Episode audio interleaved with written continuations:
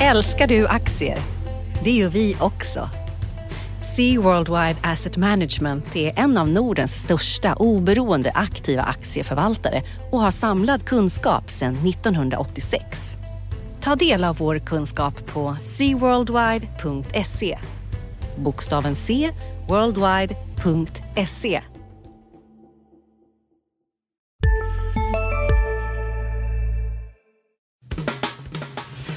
Analyspodden från Dagens Industri. Hej och välkommen till eh, DIs Analyspodden. Med oss idag har vi Johan Wendel som är jag som talar och jag är reporter på DI och med mig har jag också Johanna Jansson, makroanalytiker på DI. Hej hej. Ja, det finns en massa grejer vi ska prata om idag. Jag har radat upp eh, tre ben här och eh, ett C kanske. Vad säger du? Bitcoin, bostadsmarknad, Brexit, trassel och sen lite Clas Olsson kanske? Det låter perfekt. Ja. Den här, jag tycker vi börjar med eh, bitcoin. Eh, vad säger du Johan? Har vi en, bitcoin har rusat i, eh, här i veckan och nått nya rekordnivåer. Eh, 16 000 dollar här på torsdagen. Det är sådana fantasisummor. Det betyder att den har gått upp 70 procent bara på den senaste månaden och eh, eh, över 1000 i år. Är det inte det här, räcker inte det här för att säga att det är en bubbla på gång? Eller vad, vad säger du?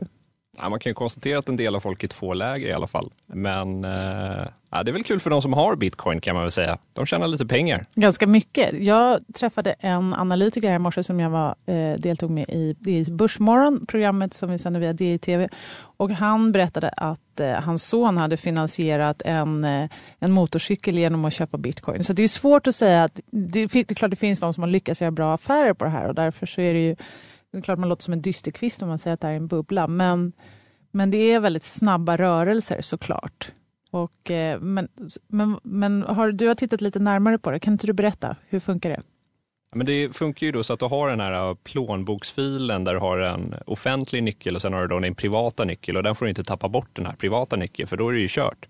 Då är de borta? Ja, exakt. Och till exempel skrev ju då Elon Musk som ständigt är i ropet. Han skrev på Twitter här i veckan att han köpte bitcoin för några år sedan, men det där han hade glömt bort var han hade nyckeln att tappa bort den där. Så att han, han var ju körd. Precis, och det har vi skrivit om också, att det finns en del pengar som är borta. Men så är det ju, jag menar, det finns ju de som hittar mynt och sedlar i sina, sina garderober också som har gått ut. Så är det, är det, skulle, men det, här handlar det ju om större belopp och sånt som har ökat i värde mer, så är det ju helt klart.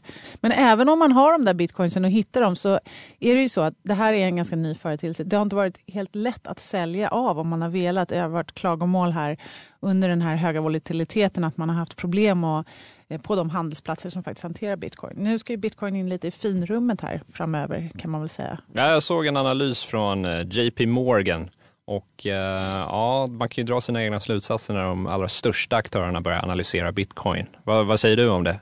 ja, men jag tycker, vi, vi hade också någon, någon eh, Claes Hemberg på, citer, citerades här i veckan också på di.se att Eh, Eh, bitcoin är det nya Fingerprint. Och där var det ju så att när Fingerprint var också väldigt kontroversiellt och delade folk i två läger. Var det en bubbla eller inte? Aktien gick väldigt starkt och sen så när eh, det kom mer etablerade banker och analytiker som började recensera Fingerprint, ja då, då falnade glansen och sen har det blivit ett problembolag på börsen istället. Jag kan inte säga att det är indikatorn att eh, bitcoin flyttar in i finrummet, men det är ändå så att nu ska man börja handla bitcoin på fler etablerade marknadsplatser. Man öppnar upp för derivathandel eh, på, i, både i USA och på andra ställen här i december. Det har ju säkert drivit priset nu, men det gör ju också att när man gör det så öppnar man upp för att spekulera även i nedgång i valutan. Så att det kommer nog bli fortsatt fokus på bitcoin. Men att det är en bubbla tycker jag att man kan säga utan att eh, darra för mycket på manschetten.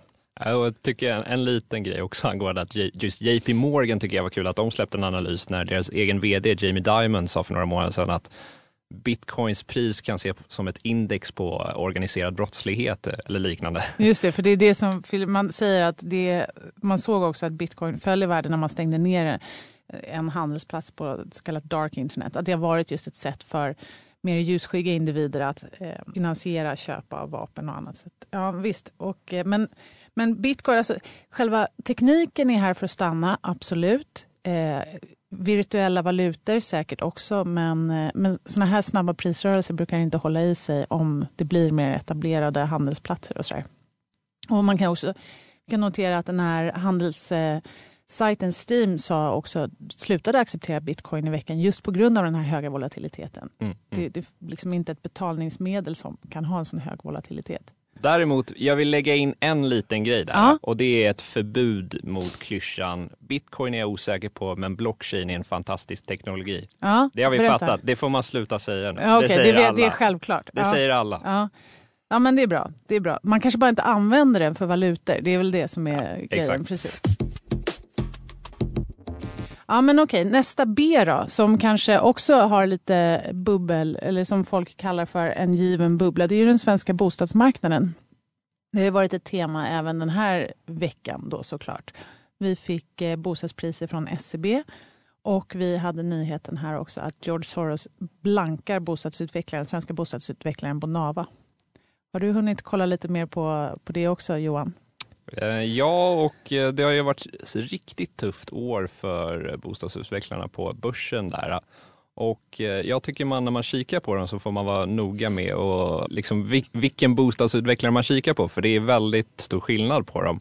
Det finns vissa som har tagit väldigt mycket lån och har, balansräkningen är väldigt eh, tilltagen. Medan andra har varit lite försiktigare och eh, en som har varit lite försiktigare, är ju, det har ju påpekats många gånger och det är ju JM.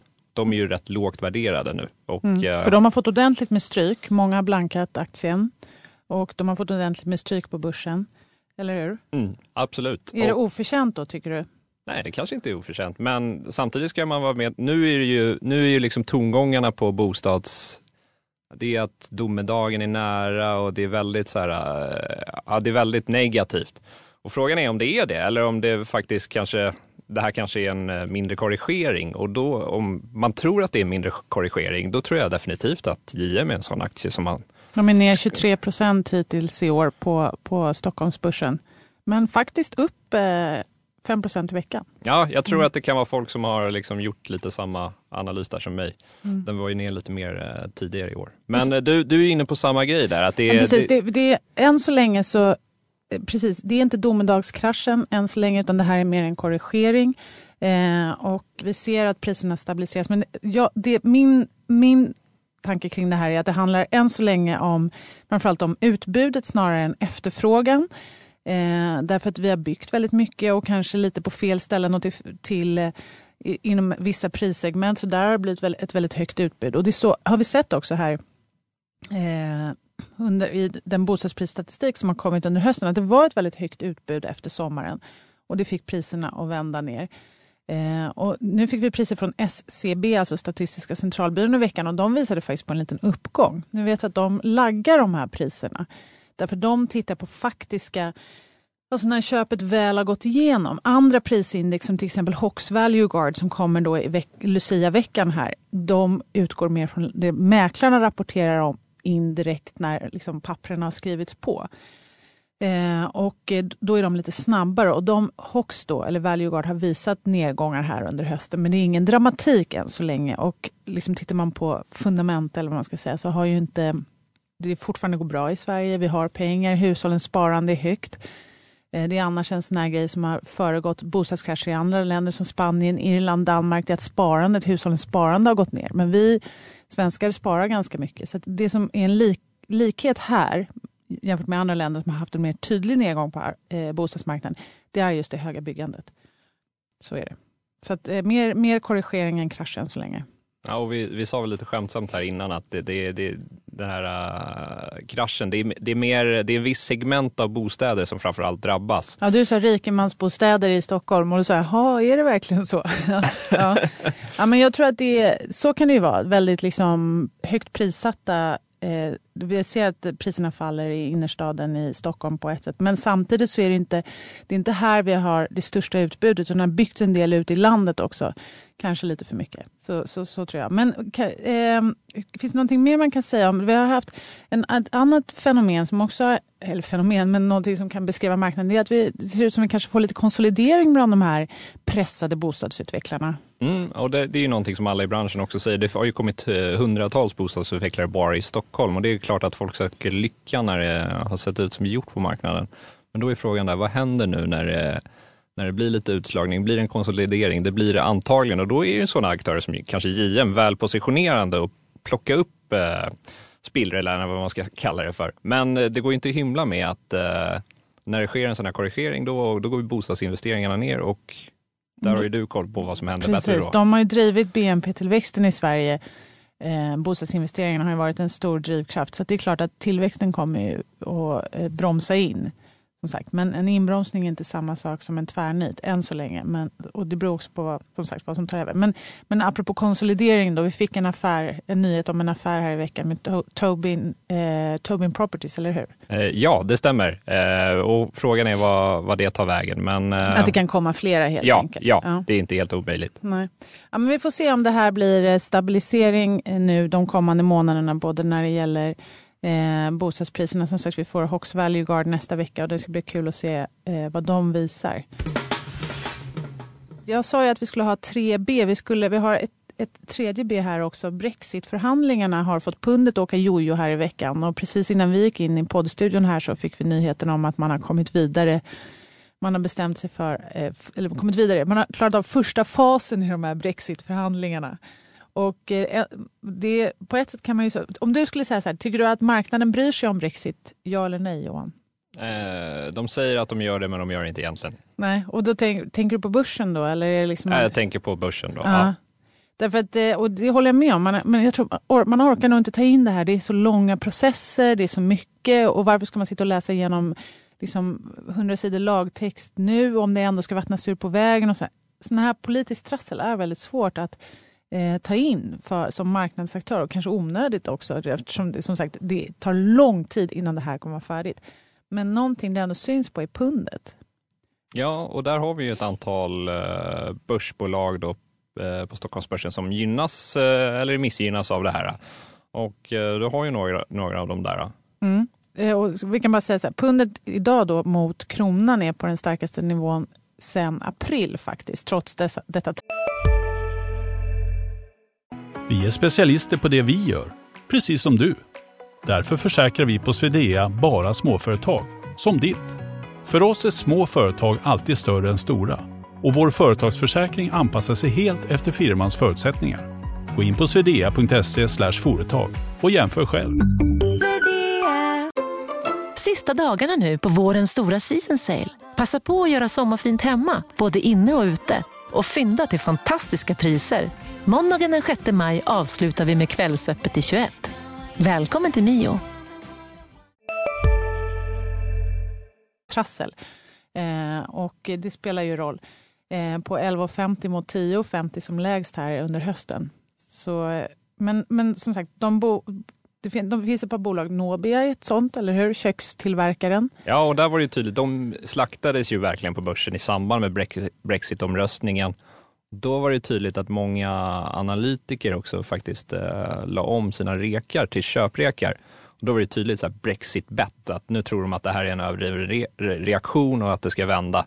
Den har ju inte riktigt vänt den aktien, utan den har fortsatt ner lite. Så att, men om jag minns rätt så ligger de kvar med köprekarna där eh, och eh, så att marknaden tror ju på en, på en vändning i det bolaget. Mm. Så att, eh, det blir intressant att följa vad det Ja, tar för de har vägen. nästan hälften av sin omsättning i Storbritannien. Och, Exakt, och där är man kanske orolig för då att eh, ja, men Brexit ska göra att, eh, britterna, att britternas ekonomi går åt skogen. Och, eh, ja, man kan ju konstatera att det, det är, det Storbritanniens ekonomi, om man jämför med övriga Europa, så är det väl ingen solskenshistoria. Det, liksom, lönerna går ner och ja. ja, de utvecklas svagt i alla fall och de, eh, tillväxten har bromsat in. Så att, men pundet har ju varit just en sån här krockkudde kanske för finansmarknaden.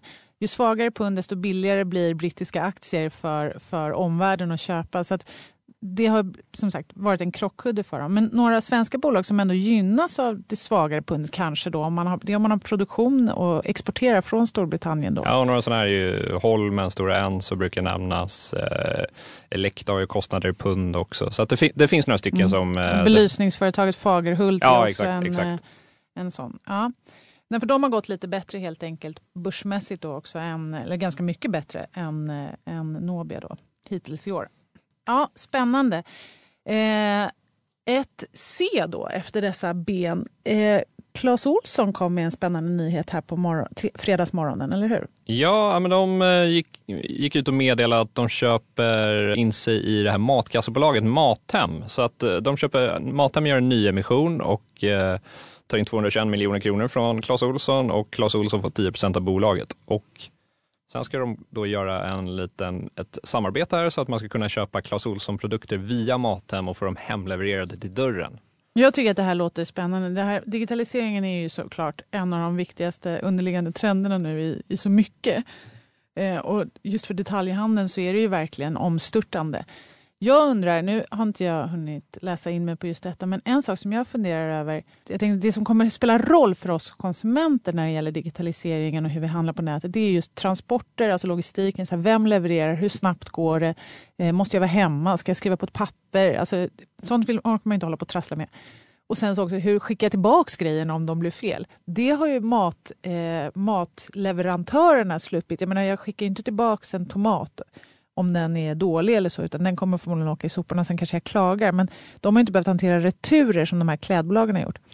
Hur, gör, hur ska de göra det, tänker jag? Det måste bli svårt. Ska de helt plötsligt börja skicka tillbaka skiftnycklar och lampor och grejer från Clas Ohlson? Ja, det, där, det, där blir nog en, det där kan ju bli en potentiell logistikmardröm. Ja. Alltså, eh, du nämnde att mat, mataktörerna har sluppit lite, men samtidigt så har de ju de har ju mycket knepigare på andra sätt. Till exempel, du kan ju inte bara du kan ju inte bara droppa en kyckling framför, framför dörren och låta den stå där några timmar Nej. och sen bara, nej men jag ångrar mig om den här kycklingen. Eller åka vilken lastbil som helst för den delen. Alltså, nej måste, exakt, ja. så det måste vara kylt, du har, ett, du har ett ganska snävt fönster där du ska leverera de här matvarorna. Du kommer hem klockan 17 och vill laga maten och den ska vara klar innan klockan sju. Så mm. det, det, det, finns massa andra utmaningar för de här mataktörerna. Ja, men såklart, det är inte lätt. Men jag tänker just att transporter och transaktioner är det som kommer driva den här transformationen. Då.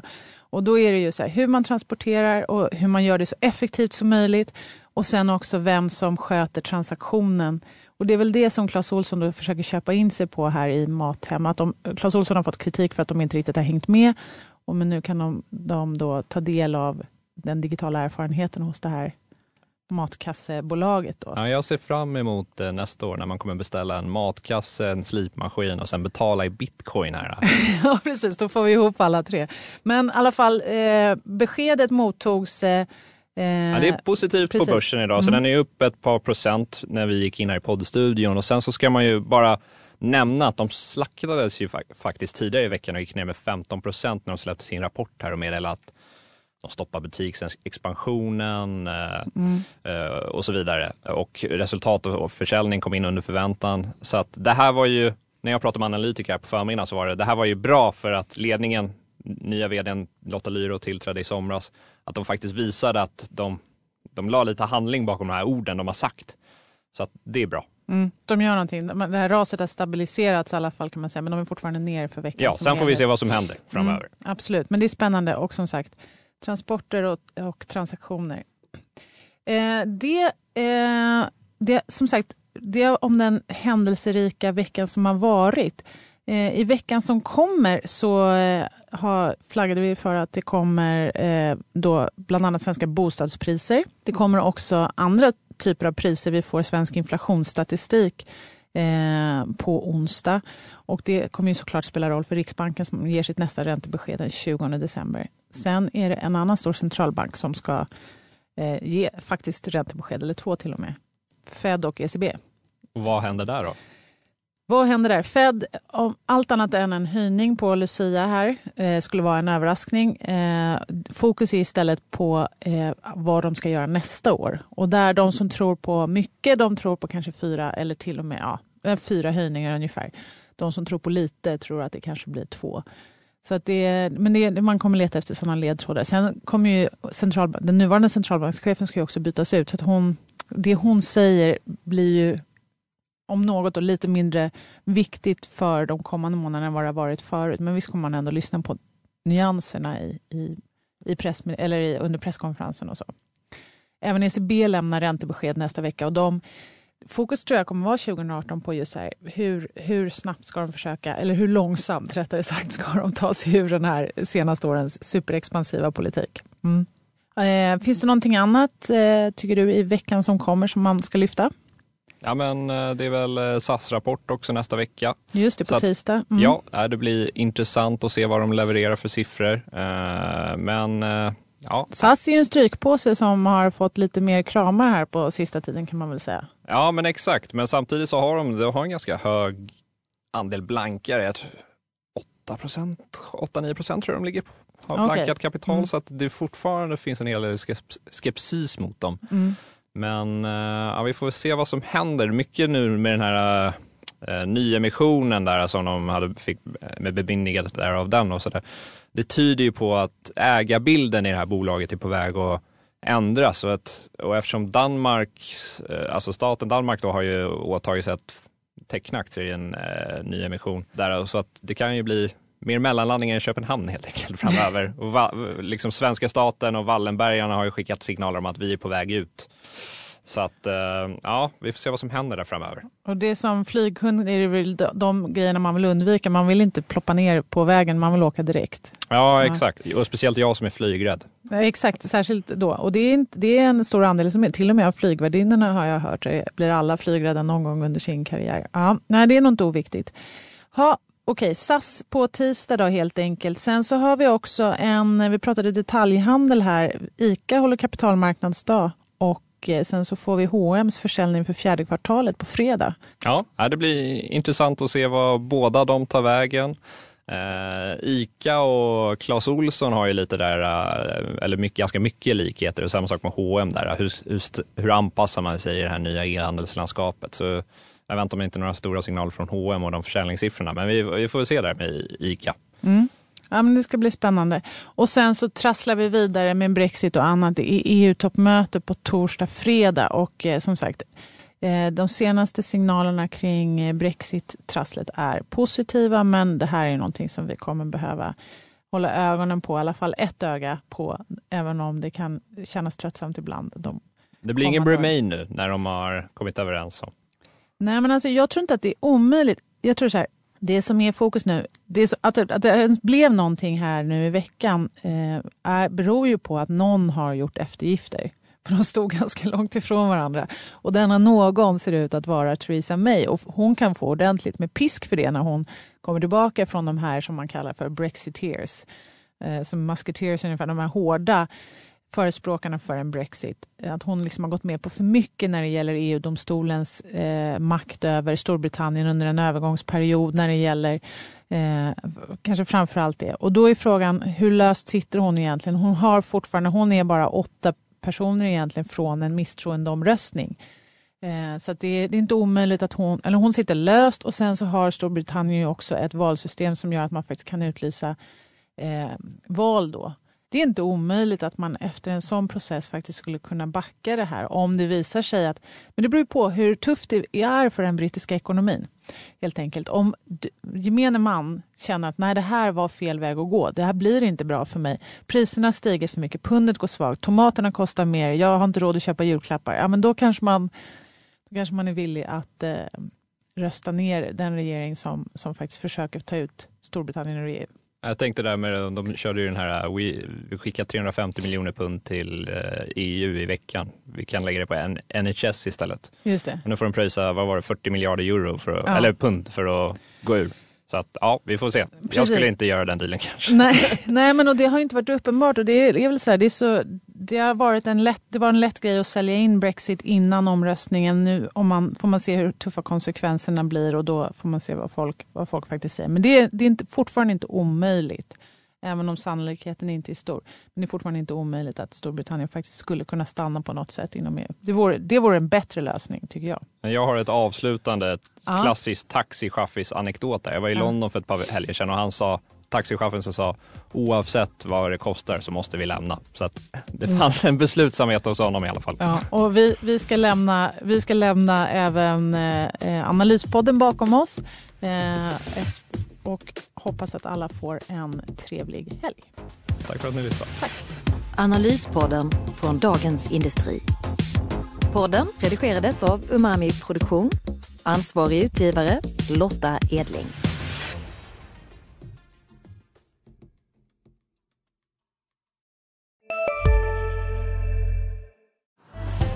Älskar du aktier? Det gör vi också. Sea Worldwide Asset Management är en av Nordens största oberoende aktiva aktieförvaltare och har samlad kunskap sedan 1986. Ta del av vår kunskap på seaworldwide.se. Bokstaven C, worldwide.se